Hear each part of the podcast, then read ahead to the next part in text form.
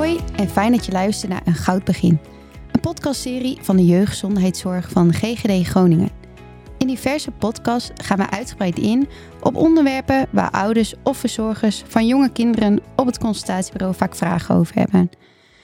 Welkom bij deze negende podcast. In deze podcast ben ik, Amelia Zuidma, jeugdverpleegkundige bij GGD Groningen, jullie host. We gaan het in deze podcast hebben over borstvoeding. Bijna elke ouder die borstvoeding geeft of wil gaan geven, heeft hier wel eens vragen over. Heb ik wel genoeg melk? Drinkt mijn kindje niet te vaak? Groeit mijn baby wel goed? En hoe kan ik beginnen met kolven? Of hoe kan ik de borstvoeding en werk combineren? Nou, je hoort het al, heel wat vragen. En ik denk dat we dat zeker ook tijdens deze podcast mooi kunnen gaan bespreken. En nou ja, het valt je misschien zelf ook al op, maar iedereen, familie, vrienden of wie dan ook, heeft hier wel antwoorden op. En we gaan er vandaag dan maar uitgebreid over praten met onze uh, gast. En deze gast van vandaag is Gerdien Geertsma. Gerdien is lactatiekundige bij de GGD Groningen, bij de jeugdgezondheidszorg. Welkom Gerdien. Dankjewel. Leuk dat je er bent. Um, nou, ik zal me meteen met de deur in huis vallen. Ik heb heel erg uitgekeken naar deze podcast, omdat het um, nou ja, een onderwerp is waar we volgens mij niet uitgesproken over kunnen raken. Um, dus laten we meteen maar met de eerste vraag beginnen.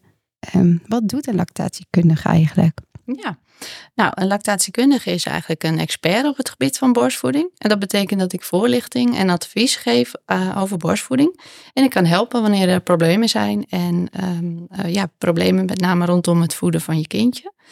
Um, bij de GGD Groningen geef ik scholingen en uh, voorlichting aan onze medewerkers, aan de jeugdverpleegkundigen en jeugdartsen. Zodat zij altijd op de hoogte zijn van de laatste inzichten over borstvoeding. Oh, nou dat klinkt als een hele mooie uitdagende baan. Zeker. Ja. ja. En wat is eigenlijk zo mooi aan het geven van borstvoeding? Nou, het geven van borstvoeding is allereerst een hele speciale, of kan een hele speciale ervaring zijn voor moeder en kind. Um, moedermelk bevat um, alle voedingsstoffen die een baby in de eerste levensmaanden nodig heeft. Mm -hmm. Precies de juiste verhoudingen.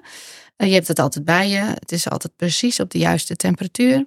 Het is gemakkelijk verteerbaar en past zich telkens aan als de behoefte van je baby verandert. Oké, okay, ja. En um, moedermelk is voor een baby uh, de eerste twee weken heel anders dan voor een baby uh, van zes maanden. Oh, wat grappig om te ontzien. Ja, ja. en uh, het zit ook boordevol antistoffen, waardoor ja. je kindje beter beschermd is tegen infecties en ziekten. Mm -hmm. en uit onderzoek weten we ook dat um, doordat kinderen borstvoeding krijgen, minder grote kans hebben op allergieën en bijvoorbeeld astma. Oké. Okay. Um, en ook voor de moeder zitten er voordelen aan. Zo helpt het geven van borstvoeding bij het herstel na de bevalling. Ja. Uh, maar ook verkleint het de kans op bijvoorbeeld borst- en eierstokkanker. Ja, dus als ik dit zo hoor, dan zitten er heel veel voordelen aan het geven van uh, borstvoeding. Ja. Ja. ja. en je hoort vaak ook wel dat moeders het idee hebben dat hun baby uh, zo vaak wil drinken. Maar wat is nou eigenlijk normaal? Dat is een hele goede vraag. Uh, wat belangrijk is om te weten is dat het maagje van een baby eigenlijk zo groot is als het vuistje. Van de baby dus? Van de baby. Oh, dat is ja, echt heel klein. Dat is heel klein. Ja, ja. ja. Dus het is, uh, nou dan kun je wel nagaan dat er gewoon uh, heel vaak een klein beetje voeding nodig is. Um, en dat is voor een baby gewoon het fijnst. Um, want het maagje hoeft dan eigenlijk minder gauw opgerekt te worden of minder veel opgerekt te worden. En zo kunnen die darmpjes eigenlijk verder rustig aan het werk. Mm -hmm. En dus ook langzaam een beetje wennen aan, aan het überhaupt voeding drinken. Klopt, ja. ja, ja zo is het. En ook de moedermelk zelf is eigenlijk uh, zo samengesteld dat uh, vaak voeden ook nodig is. Want het is heel licht verteerbaar. Het bevat heel veel water en koolhydraten. En uh, het is echt gericht op de snelle ontwikkeling van de hersenen van een oh. kindje. Terugkomend op je vraag. Wij zien dus dat het aantal voedingen per dag erg wisselend is. Maar het is dus belangrijk dat, dat een baby vaak gevoed wordt. En gemiddeld is dat elf keer per dag. Dus dat is best vaak. Ja, dat wou ik zeggen. Dat is denk ik best wel wat hoger dan de mensen misschien denken. Ja, klopt. Meestal zeggen we nou om de drie, vier uur. Ja. Maar uh, eigenlijk is dat dus best wel vaker. Ja, ja. Gemiddeld elf keer. En dat geldt niet voor elk kindje, maar um, nou, gemiddeld dus elf keer. Ja. ja.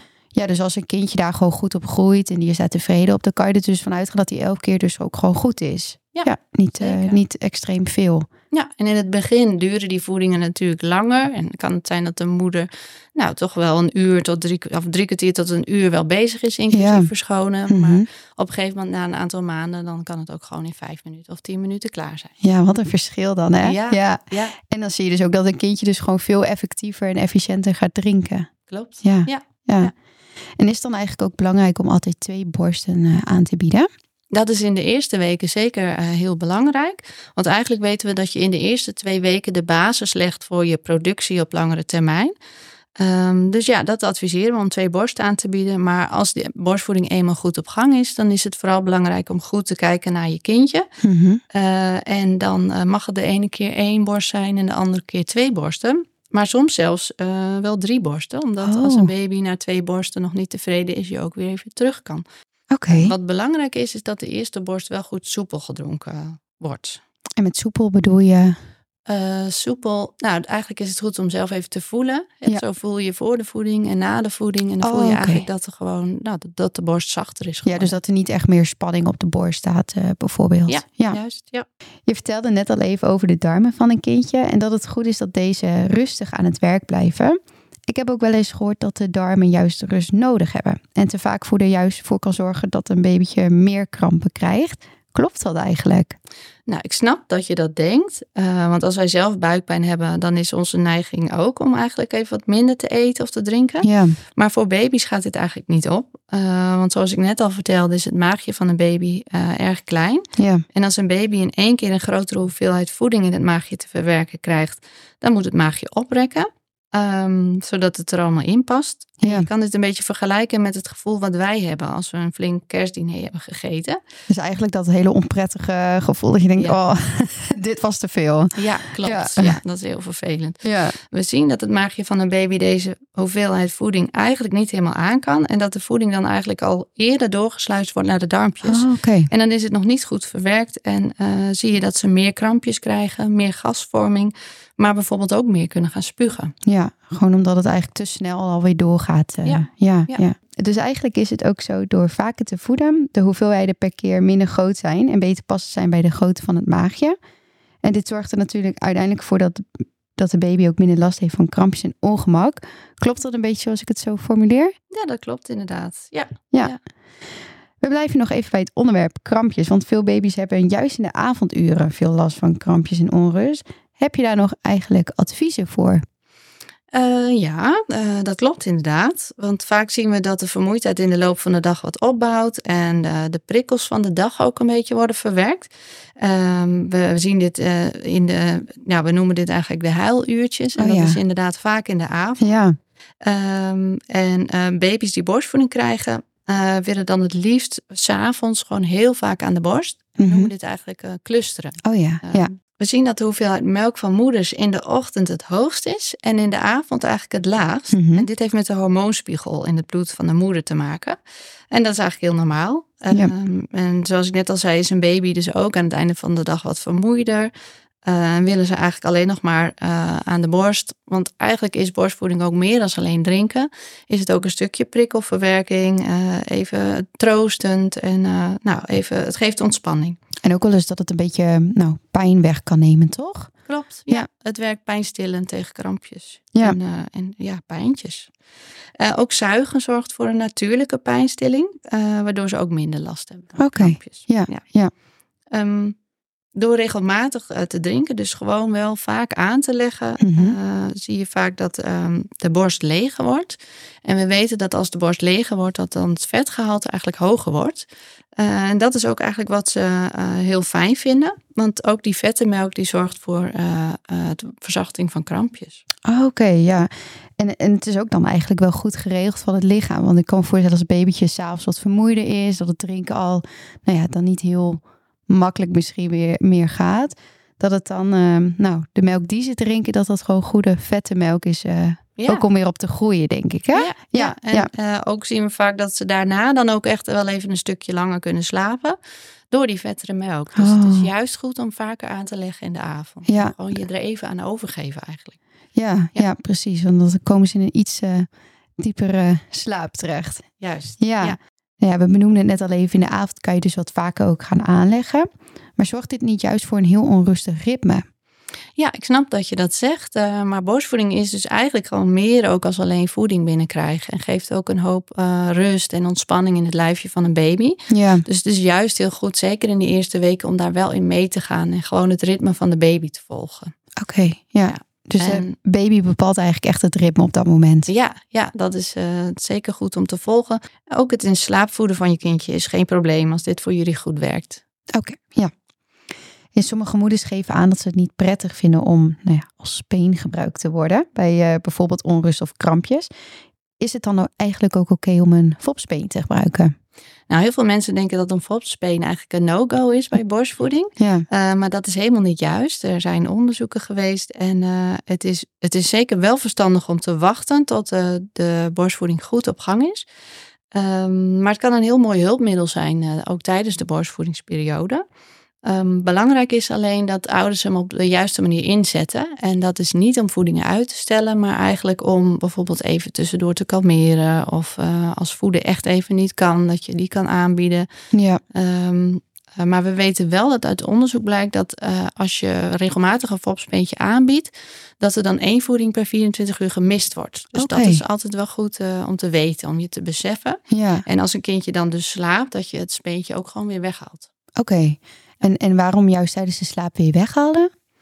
Ehm, nou, dan is je kindje ontspannen en ehm, Laat ze dan ook meer weer signalen zien of zo? eh? ja, dat is het. Oh. Dus als ze dan eh, eh, toch weer trek krijgen, dan hebben ze niet het speentje om nou weer verder te slapen. Nee, maar dan, hè, precies. dan vragen ze toch weer om een nieuwe voeding, zodat je geen voedingssignalen mist. Ah ja, want die signalen kunnen bijvoorbeeld zij weer willen zuigen bijvoorbeeld. Of op een iets willen sabbelen. Ja, dan beginnen ze te smakken en dan Oh, wordt het weer ja. tijd voor voeding. En anders, ja, dan biedt die speen genoeg eh, Ja, eh, precies. en dan eh Ja. mis je een voedingssignaal. Ja, ja, Ja. klinkt ook wel logisch dan.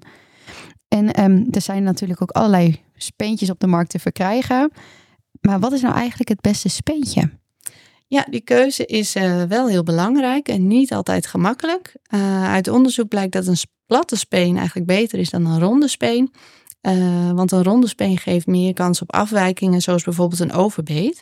En in principe, in principe is het zo dat je het liefst zo min mogelijk in het mondje wil hebben wat daar niet hoort. Dus eh, daarvoor geldt eigenlijk hoe kleiner, hoe beter. Ja. ja, er zijn dus natuurlijk ook heel wat eh, speentjes op de markt te verkrijgen. En wat is nou eigenlijk het beste speentje? Nou, de eh, keuze van een speen is zeker belangrijk en niet altijd makkelijk. Uit onderzoek blijkt dat een platte speen eh, beter is dan bijvoorbeeld een ronde speen, omdat een ronde speen een grotere kans geeft op bijvoorbeeld een overbeet. Ehm, en in principe is het zo dat je het liefst zo min mogelijk in het mondje eh, wilt hebben wat daar niet hoort. Dus eigenlijk geldt dan hoe kleiner, hoe beter. Maar wel passen natuurlijk. Ja, ja, het moet wel veilig blijven. Zeker. Ja. En eh, ik kan me ook voorstellen dat er verschillende materialen zijn. Ehm, ik heb wel eens gelezen van siliconen of van latex. Is het een ook beter dan het andere? Ja, het is beter om te kiezen voor een eh, speen van siliconen dan eh, een speen van latex. We zien bij spenen van latex dat deze minder vormvast zijn. En als je kindje een flinke zuigkracht heeft, dan zal die speen hierdoor groter kunnen worden. Eh, en dat kan eigenlijk al na een paar dagen zo zijn. Oké. Eh, daarnaast is een speen van latex wat ruwer qua materiaal. En hierdoor is de kans op bacteriën en spreeuw bijvoorbeeld groter. oh ja, en spreeuw is eh, Spreeuw is een schimmeltje. ja, in de mond. In de mond, Ja, ja. ja. Dat wil je niet hebben. Nee. Nee. nee dus goede, goede materiaalkeuze is van belang. Eh, verder is het, eh, als, je een, als je kindje een speen heeft, wat je, wat je ziet is dat de tong dan wat laag in de mond blijft. Mhm. Eh, en dat wil je eigenlijk zo, zo min mogelijk bij een baby. Dus vandaar ook het liefst zo min mogelijk gebruiken. Ja. Ja. want dan komt die tong ook, als ze het speentje niet in hebben, weer wat hoger in de mond. En dat is wat je eigenlijk wil. Ja. Komt Ja. het in een natuurlijke, natuurlijke ligging. ja, precies. Ja. En een veel voorkomende angst bij moeders is dat ze bang zijn om eh, niet voldoende melk te hebben voor hun kindje. En wat kun je het beste doen als je het idee hebt dat je productie niet voldoende is? Is het dan bijvoorbeeld verstandig om kunstvoeding bij te geven? Nou, eigenlijk heeft de natuur het heel goed bedacht eh, qua borstvoeding. Eh, want als de productie na de eerste weken goed op gang is, dan gaat het in principe eh, het vraag en aanbod spelen. En dat betekent dat de productie in balans is met de hoeveelheid melk wat een kindje nodig heeft. Ehm, we hebben het net al even gehad over het clusteren. Maar naast het clusteren zien we ook bij borstvoeding eh, zogenaamde regeldagen. Eh, daarbij huilen baby's meer, zijn ze wat onrustig en lijken ze de hele dag te willen drinken. Dat kan eigenlijk eh, nou, haast om het uur zijn. Oh ja, ja. Dus dat is echt in de avonduurtjes dat ze wat vaker willen. Dat is ook wel heel normaal. Ja, maar Ja. dus ook bij een regeldag kan het zijn dat het de hele dag. Oh ja, ja, ja. Ja. En komt het ehm, dan doordat je baby groeit en behoefte heeft aan meer melk, dat je dan meer gaat produceren? Ja, ja op dat moment uh, nou, maakt het mogelijk een sprongetje door en uh, helpt het om die productie wat omhoog te brengen. Um, door vaker te voeden krijgt je lichaam het signaal dat er meer melk aangemaakt moet worden en neemt je productie dus ook toe. Ja.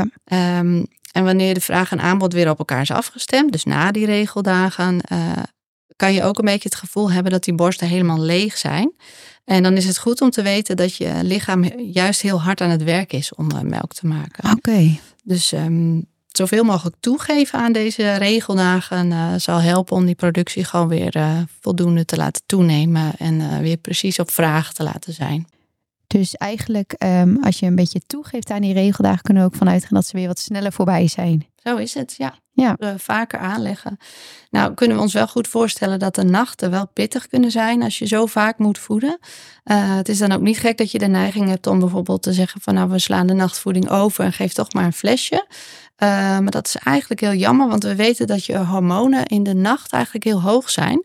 En als je die overslaat, dan kan het zijn dat je de volgende dag weer meer moeite hebt om je productie op peil te houden.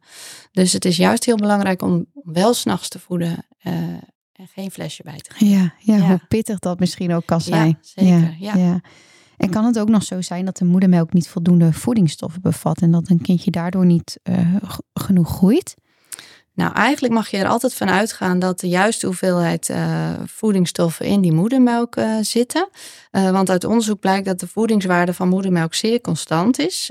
zelfs in hele moeilijke omstandigheden, zoals bijvoorbeeld oorlog of honger of uh, uh, ziekte bijvoorbeeld. Hè? De, die moedermelk blijft gewoon van goede kwaliteit. Ja. Uh, te mager, te vette of te waterige melk bestaat eigenlijk niet. Dat is toch een beetje een fabel. Ja, en misschien ook wel even een geruststelling van nou.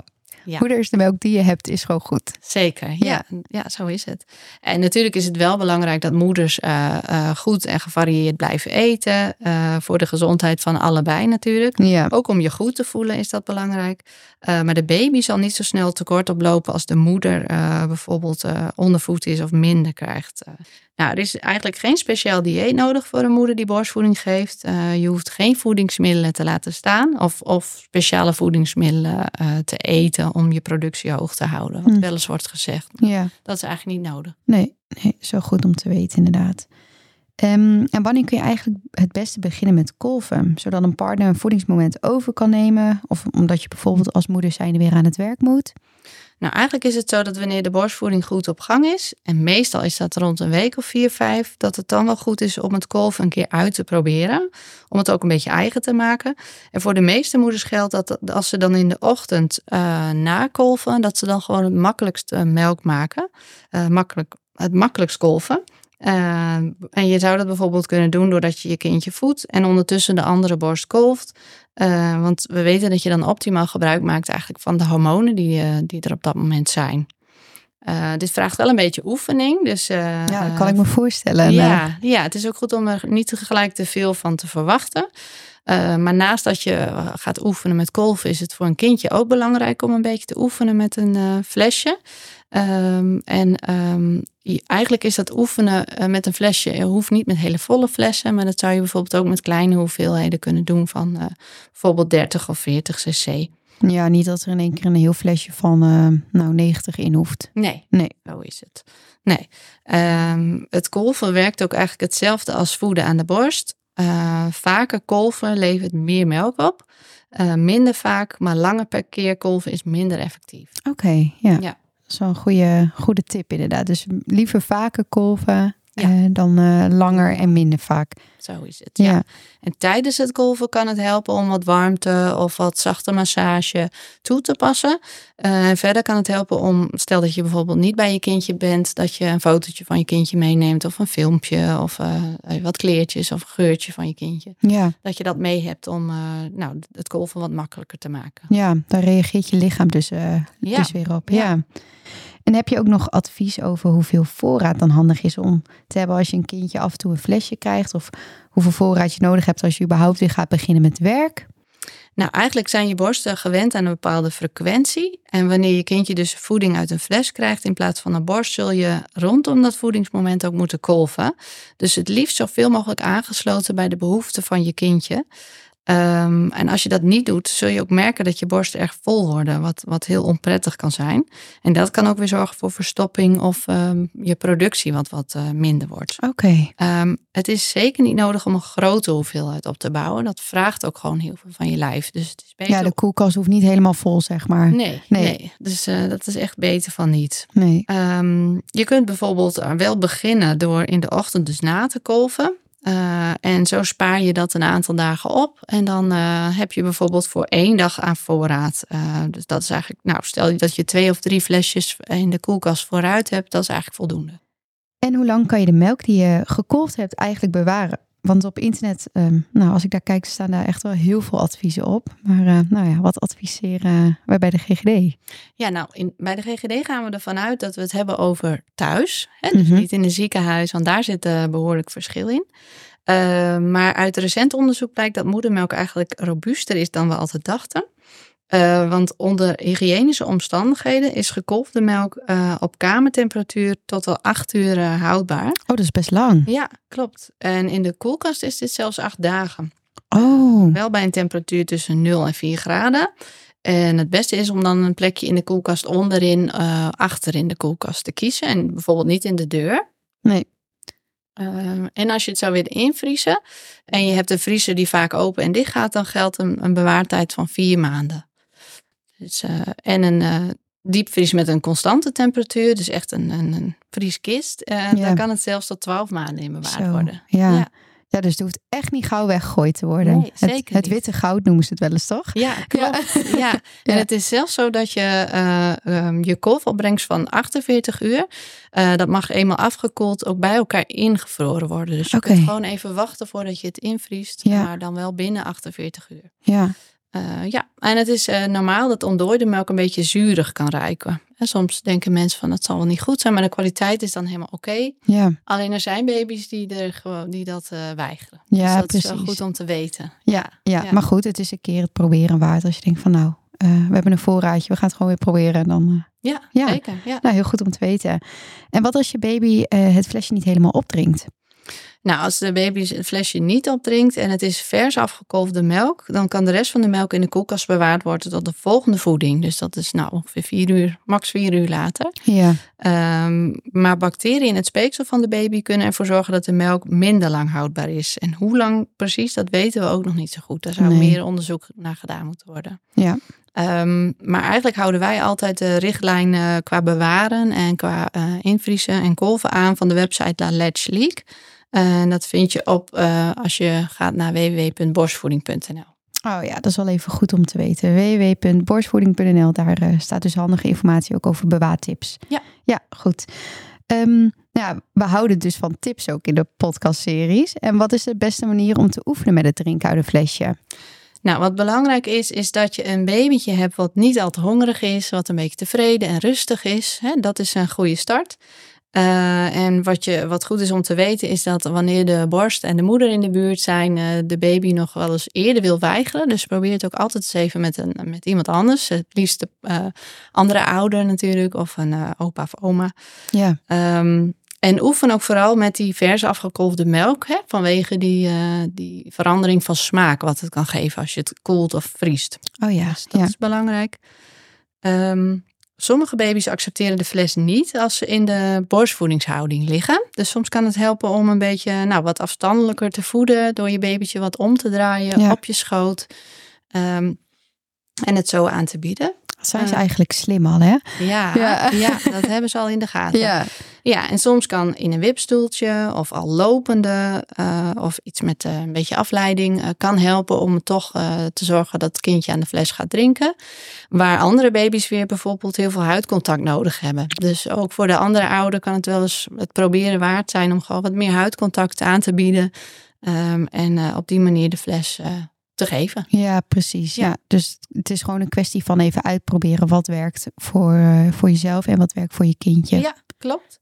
Er zijn wel veel fabrikanten die zeggen van nou deze fles eh, is het beste voor de borst eh, en de fles, hè, voor die combinatie. Oh ja, ja. Nou, eigenlijk weten we dat dat, dat, of wij, er is niet één fles waarvan wij zeggen van nou dat is nou echt de fles die je moet proberen. Maar over het algemeen is het wel zo dat een zachtere speen wel prettiger is en sneller geaccepteerd wordt. Ehm, als je de fles aanbiedt, is het wel belangrijk dat je eigenlijk eh, langzaamaan het mondje aanraakt en wacht tot het kindje zelf de mond eh, opent. Ehm, dus dat het ook zelf de controle heeft over eh, nou, wanneer die speen in de mond gaat. En wat ook belangrijk is, is dat het goed rechtop zit. Ehm, ja, en dat je eigenlijk gewoon zorgt dat het een, prettige ervaring is. Want dat is Ja. wel heel belangrijk om de fles te leren. Ja. De fles is eigenlijk niet de enige manier om, eh, om eh, voeding te geven. Je kunt ook, eh, zeker als kinderen wat ouder zijn, en, toch het in een kopje doen. Of met een lepeltje, of een tuitbeker, een softcup, een glaasje. Dat Ja. zijn allerlei manieren. Soms zijn baby's gewoon heel erg ja, koppig, zullen we maar Ja, zeggen. En willen ja. ze gewoon echt die fles niet. Ja, Nee. Dan moet je wat anders proberen. Is dat dan ook de term de flesweigeraar? Ja, Oh, ja, ja, is toch wel iets wat veel voorkomt. Ja, en, hè? eh, Ja. Waar je best wel een beetje onrustig van kan worden als je gewoon weer aan het werk moet en eh, je kindje is op de opvang. En het drinkt niet goed. Dus ehm, Ja, ik kan me ook voorstellen dat voor ouders soms best wel even een eh, stressvol kan zijn. Dat je denkt, oh, waarom drinkt hij of zij nou niet? eh, meestal halen baby's het s'avonds wel weer in. Dus het leidt eigenlijk nooit tot echt grote problemen. Ja, ja. Ja. nogmaals, het, ze zijn hartstikke slim. Ja, ja zeker. Ja. En welke rechten heb je eigenlijk als moeder als je na je verlof weer aan het werk gaat qua kolven en qua voeden? Nou, volgens de Nederlandse wet heb je de eerste negen maanden recht om te kolven. En dat is na de geboorte van je kindje. Eh, en dat kolven kan ook zijn, eh, of eigenlijk die rechten gelden ook voor het voeden van je kindje. Dus soms eh, voeden ouders of, of moeders ook gewoon op de opvang of laten ze hun kindje naar, naar het werk brengen om daar te voeden. Ja, ja. Dus je bepaalt zelf hoe je die tijd indeelt. En je mag daarvoor een kwart van je werktijd gebruiken. Ehm, en deze tijd wordt eigenlijk gewoon ook doorbetaald. En is eigenlijk los ook van je pauzes nog. Ja. Dus ehm, ja, daar heb je dus gewoon echt recht op. ja, daar Ja. heb je recht op. Ja. De werkgever moet ervoor zorgen dat er een geschikte ruimte is. Eh, deze ruimte moet goed verwarmd zijn, hygiënisch en afsluitbaar zijn, zodat je comfortabel kan zitten en kan kolven. Ja. En het is dus geen toiletruimte. Nee. Ehm, het is wel verstandig om zo vroeg mogelijk aan je werkgever aan te geven dat je wilt gaan kolven, zodat die ook de tijd heeft om iets te, voor je te regelen. Ja, precies. Maar goed om te weten waar je dus, eh, nou ja, gewoon wettelijk gezien recht op hebt. Ja. Ja. En we hadden het net al even over de partner die het voedingsmoment kan overnemen. Hoe belangrijk is de rol van de partner eigenlijk tijdens het geven van borstvoeding? Nou, dat is een hele mooie vraag. Eh, partners eh, spelen een hele belangrijke rol bij het stimuleren en het in stand houden van borstvoeding. Eh, heel vaak worden ze toch een beetje vergeten en gaat de voorlichting vooral uit naar de moeder. Maar eigenlijk is het juist voor een partner ook heel belangrijk om die voorlichting mee te krijgen in de zwangerschap. Ehm, ehm, toch vragen partners zich heel vaak nog af van wat kunnen we nou doen Eh, als de baby huilt, dan, eh, ja, dan moet het toch gauw weer naar mama voor de, Ja. een borstvoeding. Ehm, maar wat een partner eh, zeker kan doen is eh, troosten, eh, eh, verschonen, eh, eh, dragen is een hele mooie om eh, veel te doen. Ja, Ehm, er gewoon zijn. er gewoon zijn. Ja, Ja. ja. Ja.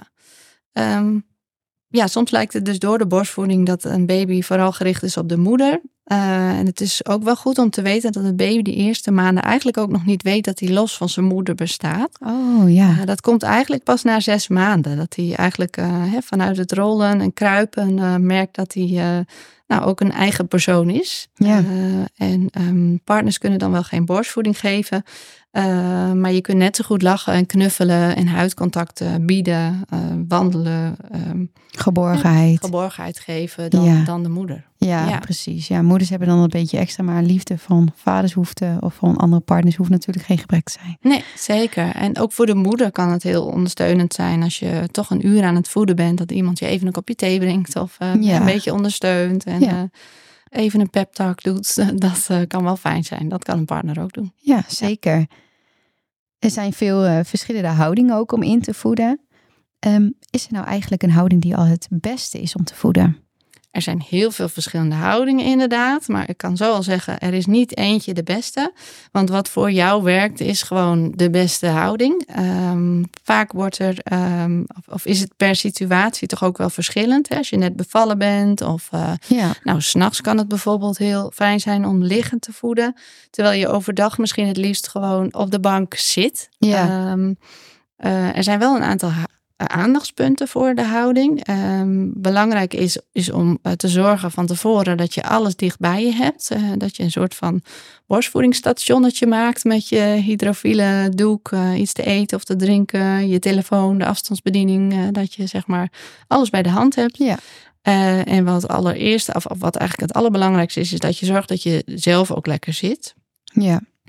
Um, dus dat je nou, misschien wat kussens pakt of uh, eerst even zelf even diep doorademen. Even, even voelen aan jezelf van hoe, hoe zit ik erbij? Hoe zorg ik dat ik ontspannen ben? Ja, um, dat je het even goed kan volhouden ook. Ja, ja, omdat je best wel een tijdje even zo kan zitten. Ja. ja.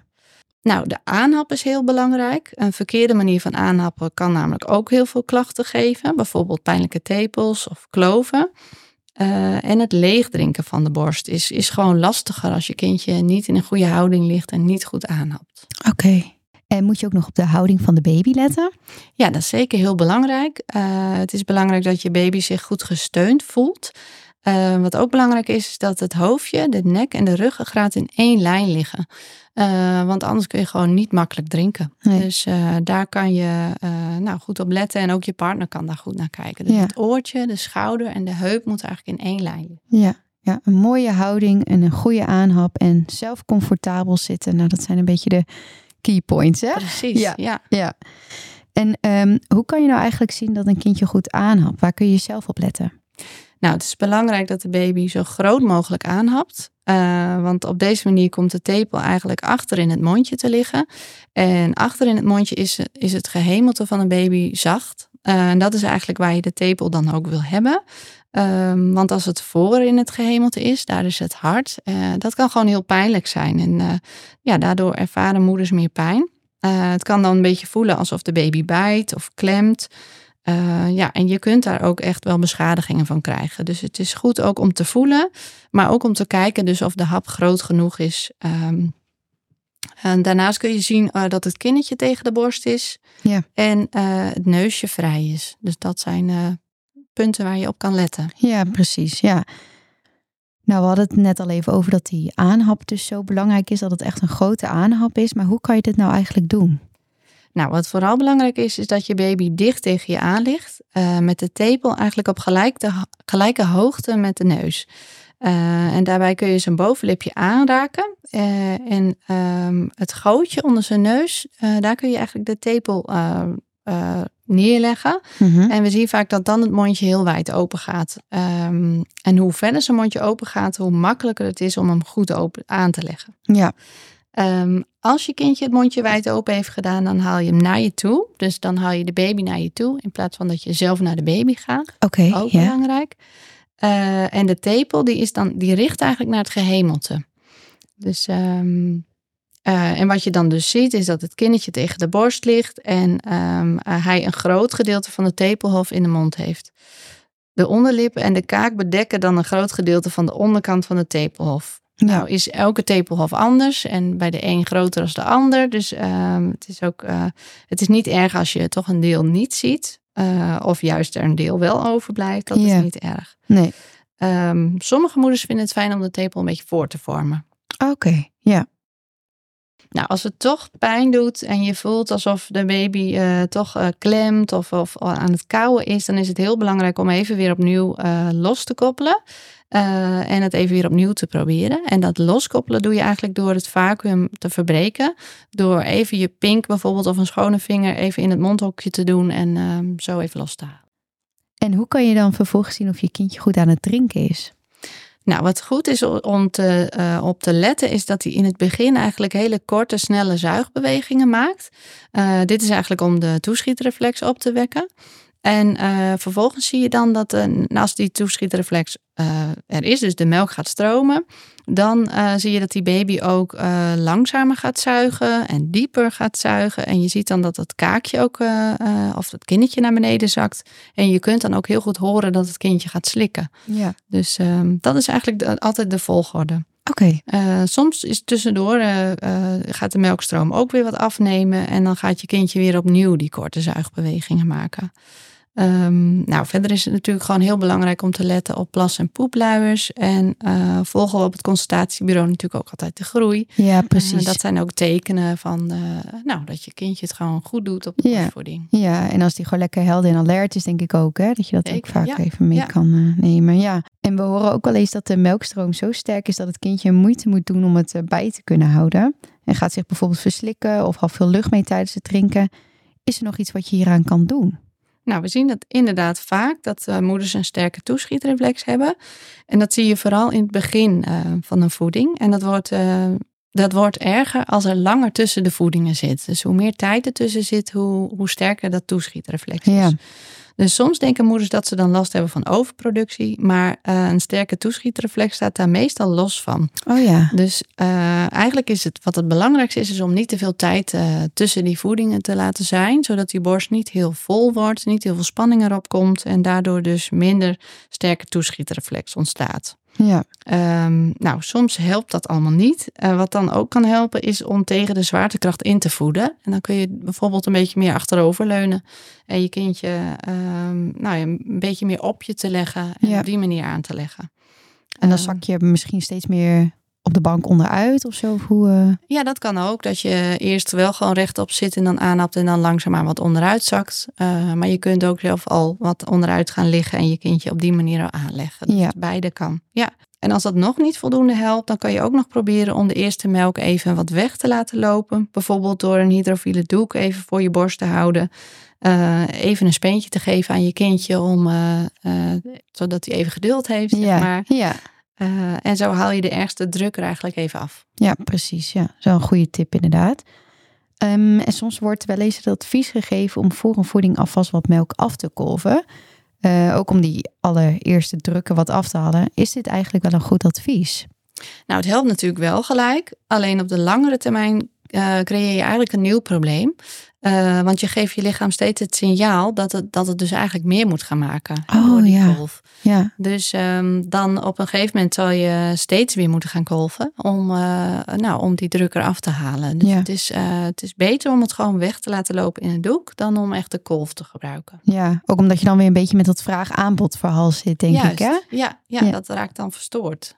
En wat kan ik het beste doen als, het, eh, als ik dit allemaal toepas, maar het drinken nog steeds zeer doet of het kindje nou, niet voldoende groeit? Nou, het is altijd goed om te kijken van wat is nou de oorzaak van die, van bijvoorbeeld pijn of uh, onvoldoende groeien. Um, en dan is het consultatiebureau de eerste uh, plek om je vragen te stellen. Uh, dit kun je bespreken met de jeugdarts of met de jeugdverpleegkundige. En zij zouden bijvoorbeeld dus met je mee kunnen kijken naar het aanleggen. En met je samen kunnen kijken van welke aanpassingen je nog zou doen. Soms zijn het hele kleine dingen die je kan aanpassen om het toch al, al nou, grotere verbeteringen te, aan te brengen. Ja, En de jeugdarts kan natuurlijk ook meekijken of er medisch gezien ook bijzonderheden zijn. Hè? Die kan je kindje ook even nakijken. Nou, mocht het toch nog niet voldoende zijn, dan zou je ook nog een lactatiekundige bij jou in de buurt kunnen vragen om mee te kijken uh, bij je thuis. En uh, zo samen een plan te maken voor een, uh, ja, om, om er een positieve borstvoedingervaring van te maken. Ja, precies. En um, nou ja, volgens mij kunnen moeders ook prima bij de 22 weken prik aangeven als ze denken van nou, we willen borstvoeding gaan geven. Um, dat ze dan nog wat vragen kunnen stellen en dat ze niet met vragen of onzekerheden hoeven rond te lopen. En, uh, klopt dat? Dat klopt, ja. En kun je misschien nog iets vertellen over hoe lang wordt geadviseerd om borstvoeding te geven? Nou, het mooie van borstvoeding is dat moedermelk zich eigenlijk continu blijft aanpassen aan de leeftijd van je kindje. Uh, de moedermelk voor een kindje van acht weken is heel anders dan voor een kindje van acht maanden. Het is dus niet zo dat borstvoeding na een bepaalde periode geen meerwaarde meer heeft. Uh, en uit onderzoek blijkt dat moedermelk voor een kruipende baby juist weer meer antistoffen bevat. Zodat je kindje beter beschermd is voor nou, uh, alles wat hij in zijn mondje stopt en wat hij allemaal ontdekt in deze wereld. Ja. Ehm, maar de Wereldgezondheidsorganisatie adviseert om kinderen eigenlijk tot twee jaar uh, borstvoeding te geven, naast de andere voeding. Ja. Ehm, maar waar je ook voor kiest, of je kort voedt of lang voedt en alles wat daartussenin is, het belangrijkste is altijd dat, je, uh, dat jij en je gezin daarachter uh, achter staan. Ja, ja. Dus alles is goed. Ja, ja, precies. Ja, dat is wel mooi om te beseffen. Dat je ook niet te veel moet luisteren naar wat er om je heen gezegd wordt. Gewoon wat voor jou uh, en je gezin op dat moment goed voelt. Zeker. Ja. ja. ja. En tot slot, bij wie kan je aankloppen met vragen over je borstvoeding? Je kan altijd contact opnemen met het consultatiebureau. We denken graag met je mee. Nou, we zijn aan het einde gekomen van deze podcast. We hebben ontzettend veel uh, uh, vragen beantwoord. Dankjewel, Gedien, dat je er was. Graag gedaan. Dankjewel voor alle mooie informatie en uh, goede tips. Um, en ook dankjewel voor het luisteren naar de podcast Een Goud Begin. Een podcast van de GGD Groningen. Ook in onze volgende podcast, de laatste van dit seizoen, praten we over voeding en hapjes van baby's, peuters en dreumissen. Wil je dit niet missen? Abonneer je op de podcastserie Een Goud Begin van GGD Groningen. Vind je trouwens deze podcast ook interessant voor iemand anders? Stuur de podcast dan vooral door. Graag tot trouw!